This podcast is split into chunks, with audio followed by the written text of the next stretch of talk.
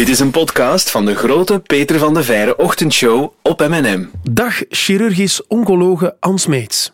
Dag Peter. Ja, wat een, een mond vol. Klopt toch, hè? Uh, dat klopt. Uh, borstchirurg is ook oké. Okay. Dat is iets eenvoudiger, maar het was helemaal juist. Ja, maar het heeft met kanker te maken, alleszins. Klopt. Welkom bij... 22 minuten stomme vragen. Hoe goed ben je in uh, stomme vragen? Ik weet het niet. Ik ben benieuwd. Wat is de stomste vraag die je ooit gekregen hebt over je vak?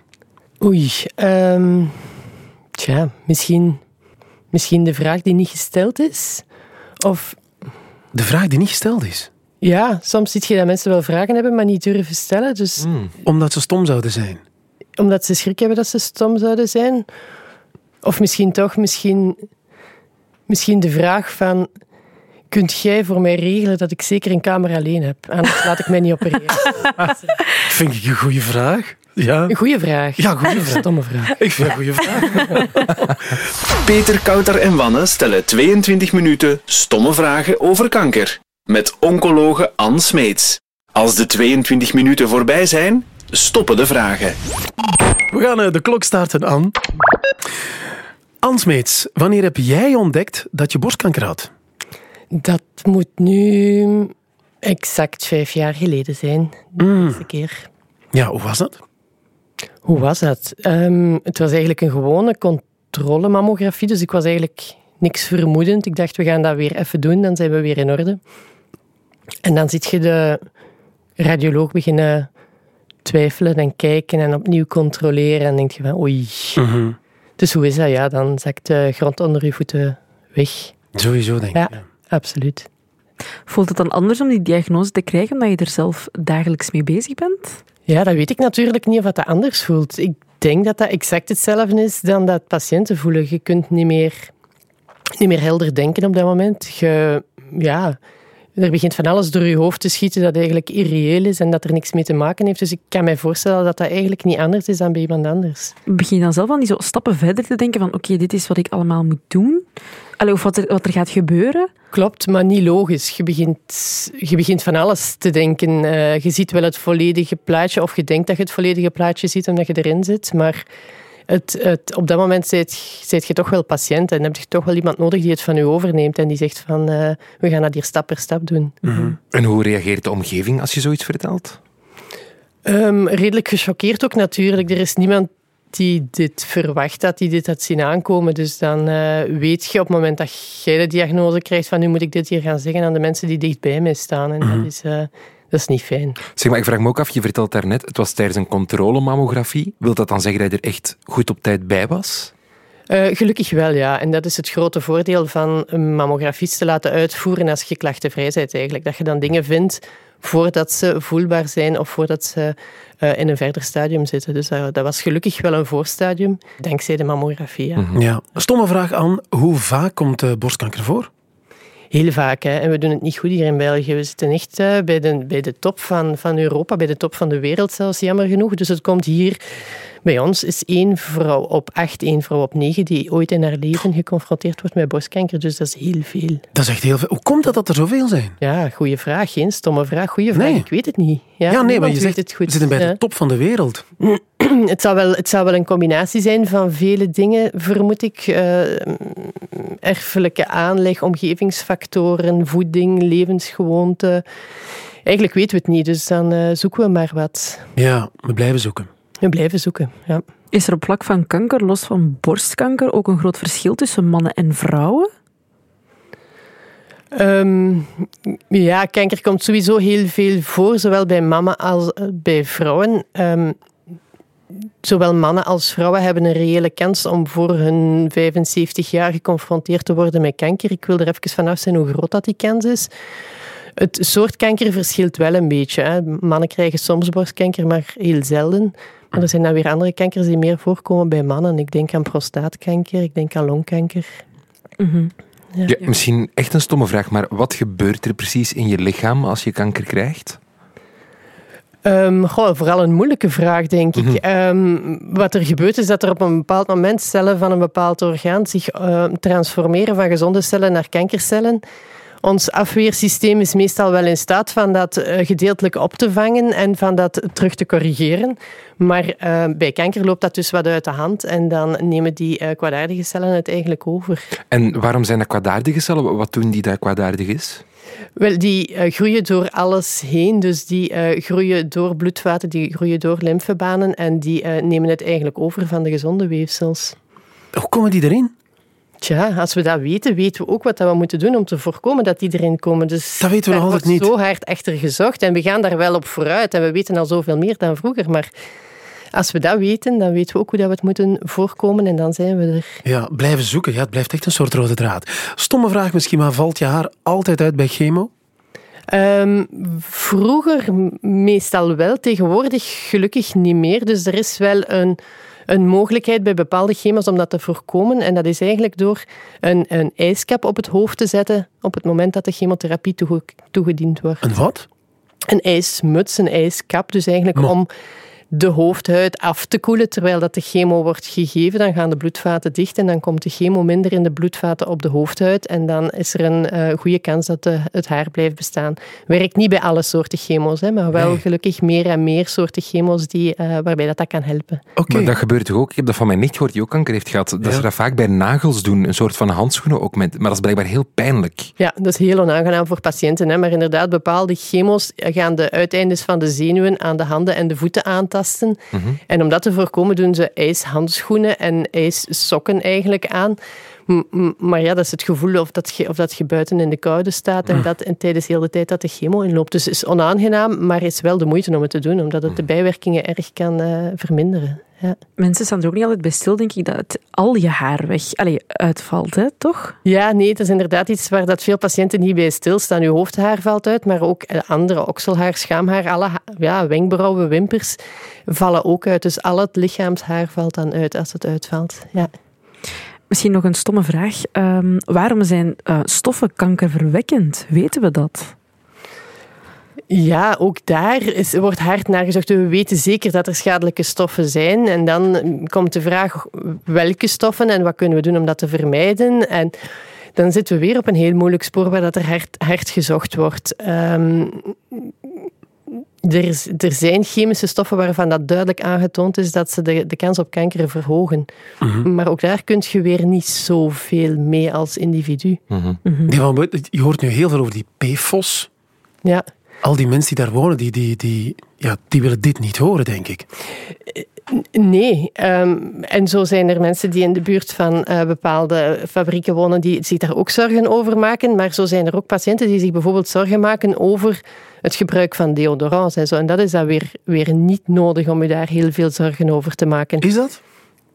Normaal gewoon het gebruik van deodorant gaat geen borstkanker, want dat is zo een vraag die we toch wel regelmatig krijgen van patiënten. Of dat ze nog veilig deodorant mogen gebruiken. Ja, daar is er helemaal niks van aangetoond dat dat, eh, dat, dat mogelijk schadelijk kan zijn. Oké, gelukkig. Zijn er dan dingen die je wel kan doen om kanker te vermijden zelf?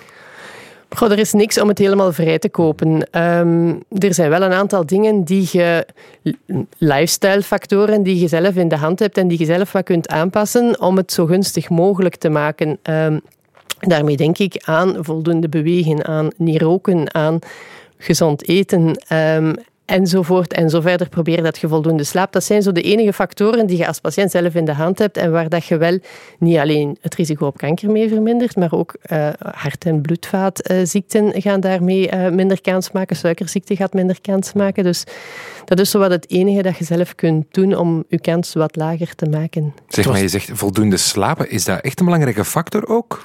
Ja, krijgen we toch wel, krijgen we toch wel wat evidentie voor uit, uit, de literatuur. En ik pleit ook schuldig hoor, maar dat, dat, eh, die combinatie van die verschillende lifestyle-factoren hebben toch wel een invloed. Nu, ik zou geen eten willen geven aan al de mensen die perfect gezond geleefd hebben en die toch kanker gekregen hebben. Hè. Dus het is niet dat je, dat je het zo kunt vrijkopen, maar dat is zo wat het enige dat je kunt doen. Inderdaad, voldoende slaap. We hebben een probleem, denk ik. Ja, bij ons drietjes uh, Sorry het zal geen vette zijn. Ja, misschien inderdaad ook een stomme vraag die daarbij aansluit. Je kent die verhalen aan.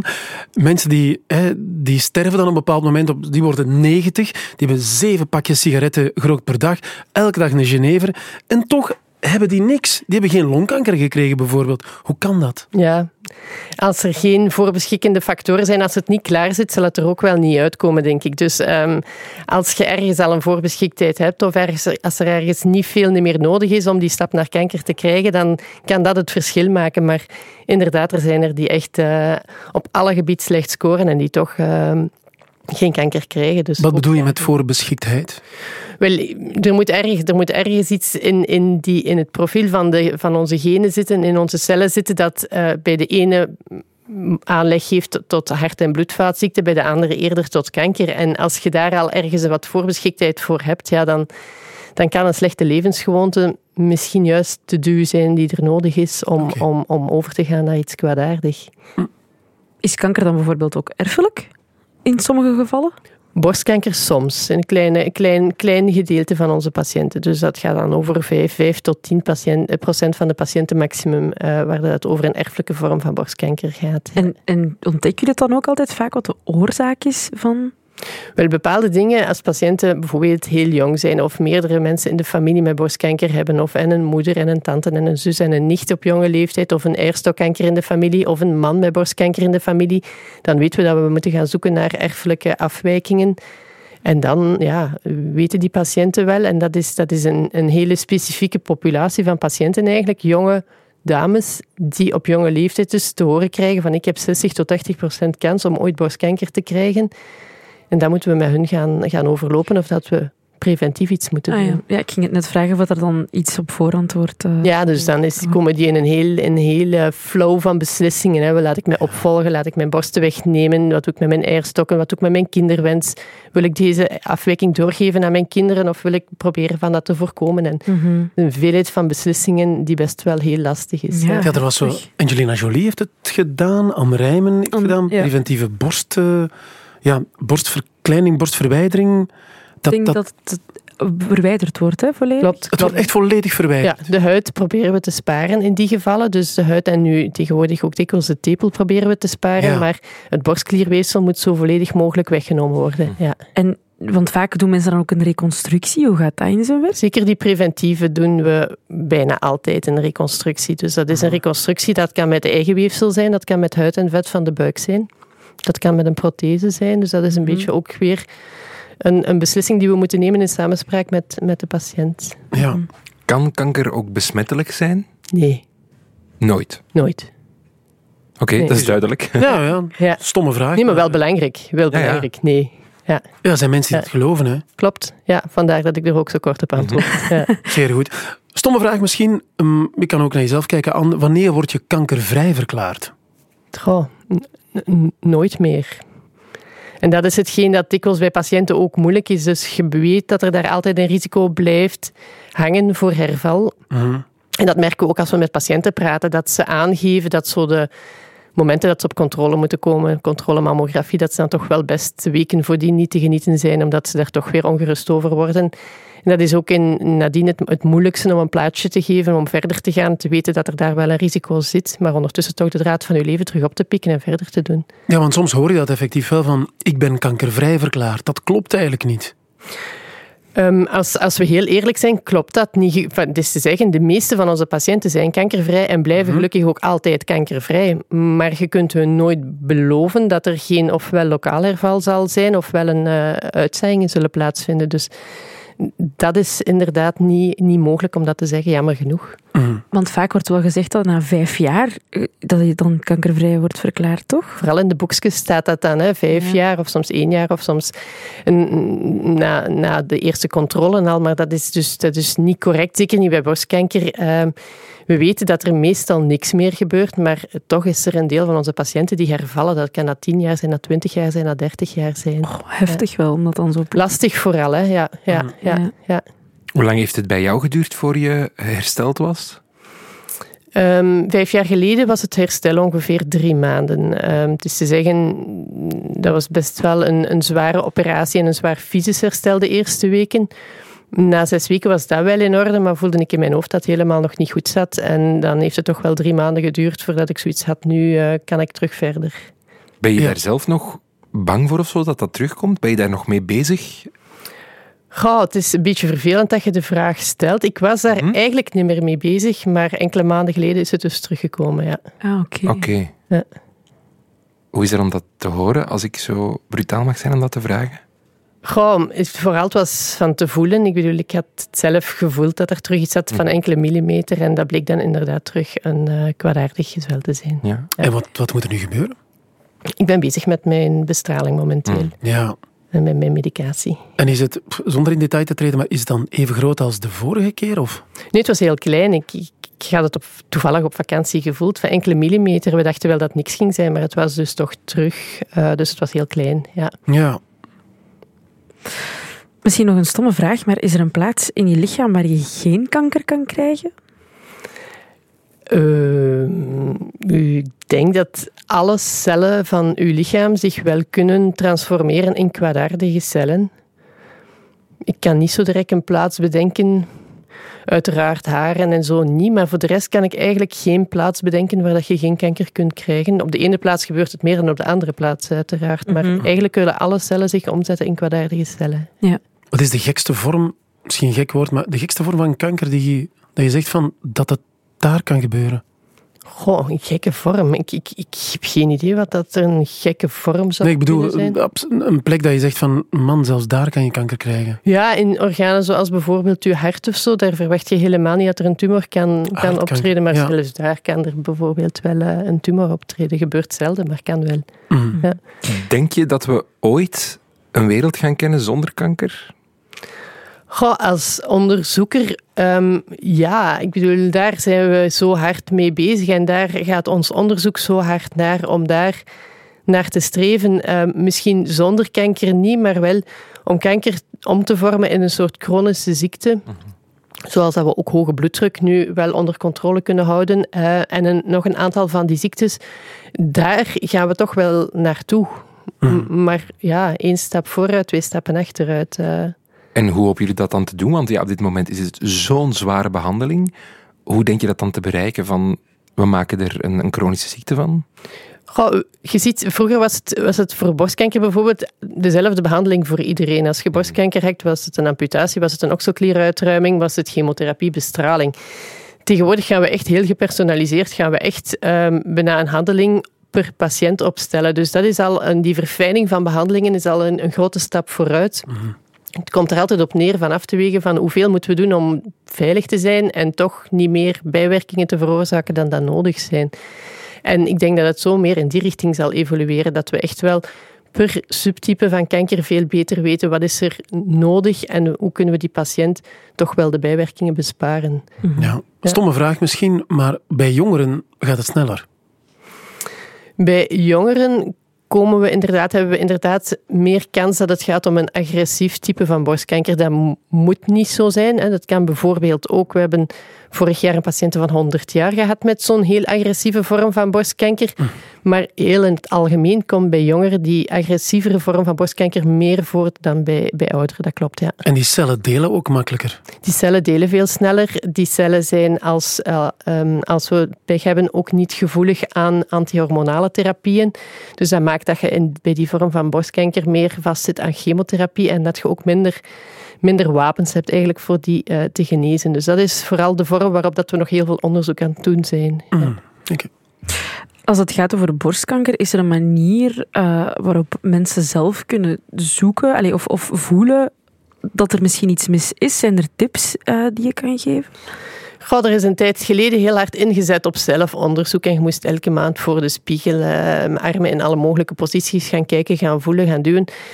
Daar zijn we een klein beetje van afgestapt, omdat dat aanleiding gaf van superveel ongerustheid. Iedereen voelt altijd, zeker in jonge borsten, wel een hobbel en een bobbel en, en iets dat verandert. Um, ik zeg altijd tegen de patiënten, hou je borsten wat in het oog. Als je je afdroogt, als je in de douche geweest bent en je voelt iets waarvan dat je zegt, tja, dit is iets wat ik niet gewoon ben, laat dat gewoon nakijken. Dus als er iets is dat je zelf opmerkt, aarzel niet. Heb geen, niet het gevoel van, het is niet de moeite om het laten na te kijken. Laat gewoon liever een keer te veel dan een keer te weinig uh, je borsten controleren. Maar ga niet dagelijks of wekelijks of maandelijks op zoek uh, naar uh, iets dat er waarschijnlijk niet is. Mm-hmm. En, Misschien een stomme vraag, we hebben het daar net al kort over gehad, maar als man, ik kan in principe ook borstkanker krijgen. De kans is heel klein, maar het kan wel. Nu, als man op jonge leeftijd is die kans nog veel, veel, veel kleiner. Dus het komt voor. Dat betekent als mannen iets voelen dat ze ook daar moeten um, wel aandacht aan geven en laten nakijken. Maar borstkanker bij mannen komt gelukkig heel zelden voor. Als het voorkomt daarentegen, is het voor ons wel een, uh, een, een reflex, reflex eigenlijk van te gaan denken aan een erfelijke vorm van kanker. Want dat is frequenter als het bij mannen voorkomt. Anne, wat ik me afvroeg, ga je nu andersom met, uh, met die patiënten? Nu je ja, ervaringsdeskundige bent, zeg maar? In het stuk, in het stuk um, behandeling niet. Dus dat is uh, identiek hetzelfde gebleven. Maar wat ik wel merk is dat ik nog meer de mens achter de borst zie. Mm Dat je nog meer weet wat er allemaal bij komt kijken, wat er allemaal omgaat in die patiënten. En dat je dus veel breder en veel verder kijkt dan alleen het het genezen, dat je ook meer het, het, het keren, het, het zorgen voor de patiënt mee in handen neemt. Ik denk wel dat dat veranderd is uh, door mijn eigen verhaal. Ja, want er inderdaad dat, natuurlijk dat chirurgisch verhaal en het, uh, ja, het fysiek verhaal, maar het emotioneel verhaal wordt daar voldoende op gefocust eigenlijk. Goh, dat is een heel belangrijk aspect van uh, patiënten met borstkanker. Hè. De meesten doen het goed, moeten gewoon een manier vinden om verder te kunnen met hun leven. Dus daar is het uh, eens zo belangrijk om daar te focussen op heel het emotionele dat erbij komt. Mm -hmm. Ook het stuk. Uh, lichaamsbeeld dat verandert, seksualiteit dat verandert, relatie die uh, opnieuw moet bedacht worden komt er allemaal bij. Dus daar uh, is toch wel heel belangrijk dat daarop ingezet wordt. En daar wordt ook wel op elke patiënt uh, wordt begeleid, krijgt een heel zijn traject begeleiding door iemand daarvoor. Ja, absoluut. Dat gebeurt ja, bij jullie ook. Absoluut. Waarom denk je dat het nog zo moeilijk is voor veel mensen om daarover te praten? Want ik, heb, ik ken mensen bijvoorbeeld die pas achteraf, na hun behandeling, hebben durven zeggen: Ik heb kanker gehad. Mm. Ja, bij patiënten, maar ook bijvoorbeeld bij. Um, ja, bij patiënt, bij, bij naasten, ik bedoel vrienden en familie, je merkt heel erg dat er daar best nog wel veel zijn die niet weten hoe dat ze er moeten mee omgaan, die heel ongemakkelijk worden. En dan krijg je zo verschillende reacties. Je hebt mensen die, die je ontlopen omdat ze het niet goed weten. Je hebt andere mensen die er dan juist op het juiste moment wel staan met de juiste woorden, waar dat je het dan misschien niet altijd van verwacht. Dus je merkt daarvoor dat er toch wel nog een belangrijk taboe rond zit en dat het uh, voor veel mensen ongemakkelijk is om erover te spreken hoe dat, dat komt. Ja, ik, ik hoop en ik merk daar toch wel een grote evolutie in. En dat is ook de reden dat ik probeer van mijn verhaal zo open mogelijk op tafel te leggen. En ik merk ook wel dat patiënten daar uh, iets aan hebben. Dat ze daardoor ook meer geneigd zijn van met hun verhaal naar buiten te komen en het een beetje uit de taboesfeer te halen. -hmm. Nu, ik vraag mij af, want je zei zelf bij mij hebben ze het ontdekt door een toevallige mammografie. Is dat dan een idee om, dat, om, de, om het jaar of om de twee jaar zelf ook te laten doen? Gewoon preventief te laten controleren?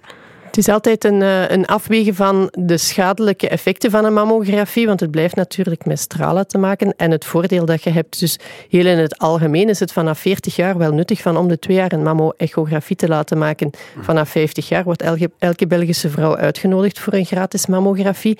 En dan hangt het er wat vanaf. Als je een hele belangrijke familiale belasting hebt, of veel mensen met borstkanker op jonge leeftijd, ja, dan beginnen we soms al bij ons erfelijk belasten, beginnen we, beginnen we al op 30 jaar met die onderzoeken. -hmm. 30 jaar dus. Ziezo, we hebben alle stomme vragen gesteld. Mm. Goeie moed en dankjewel aan. Dankjewel. Zin gekregen in meer podcasts van M&M? Check mnm.be.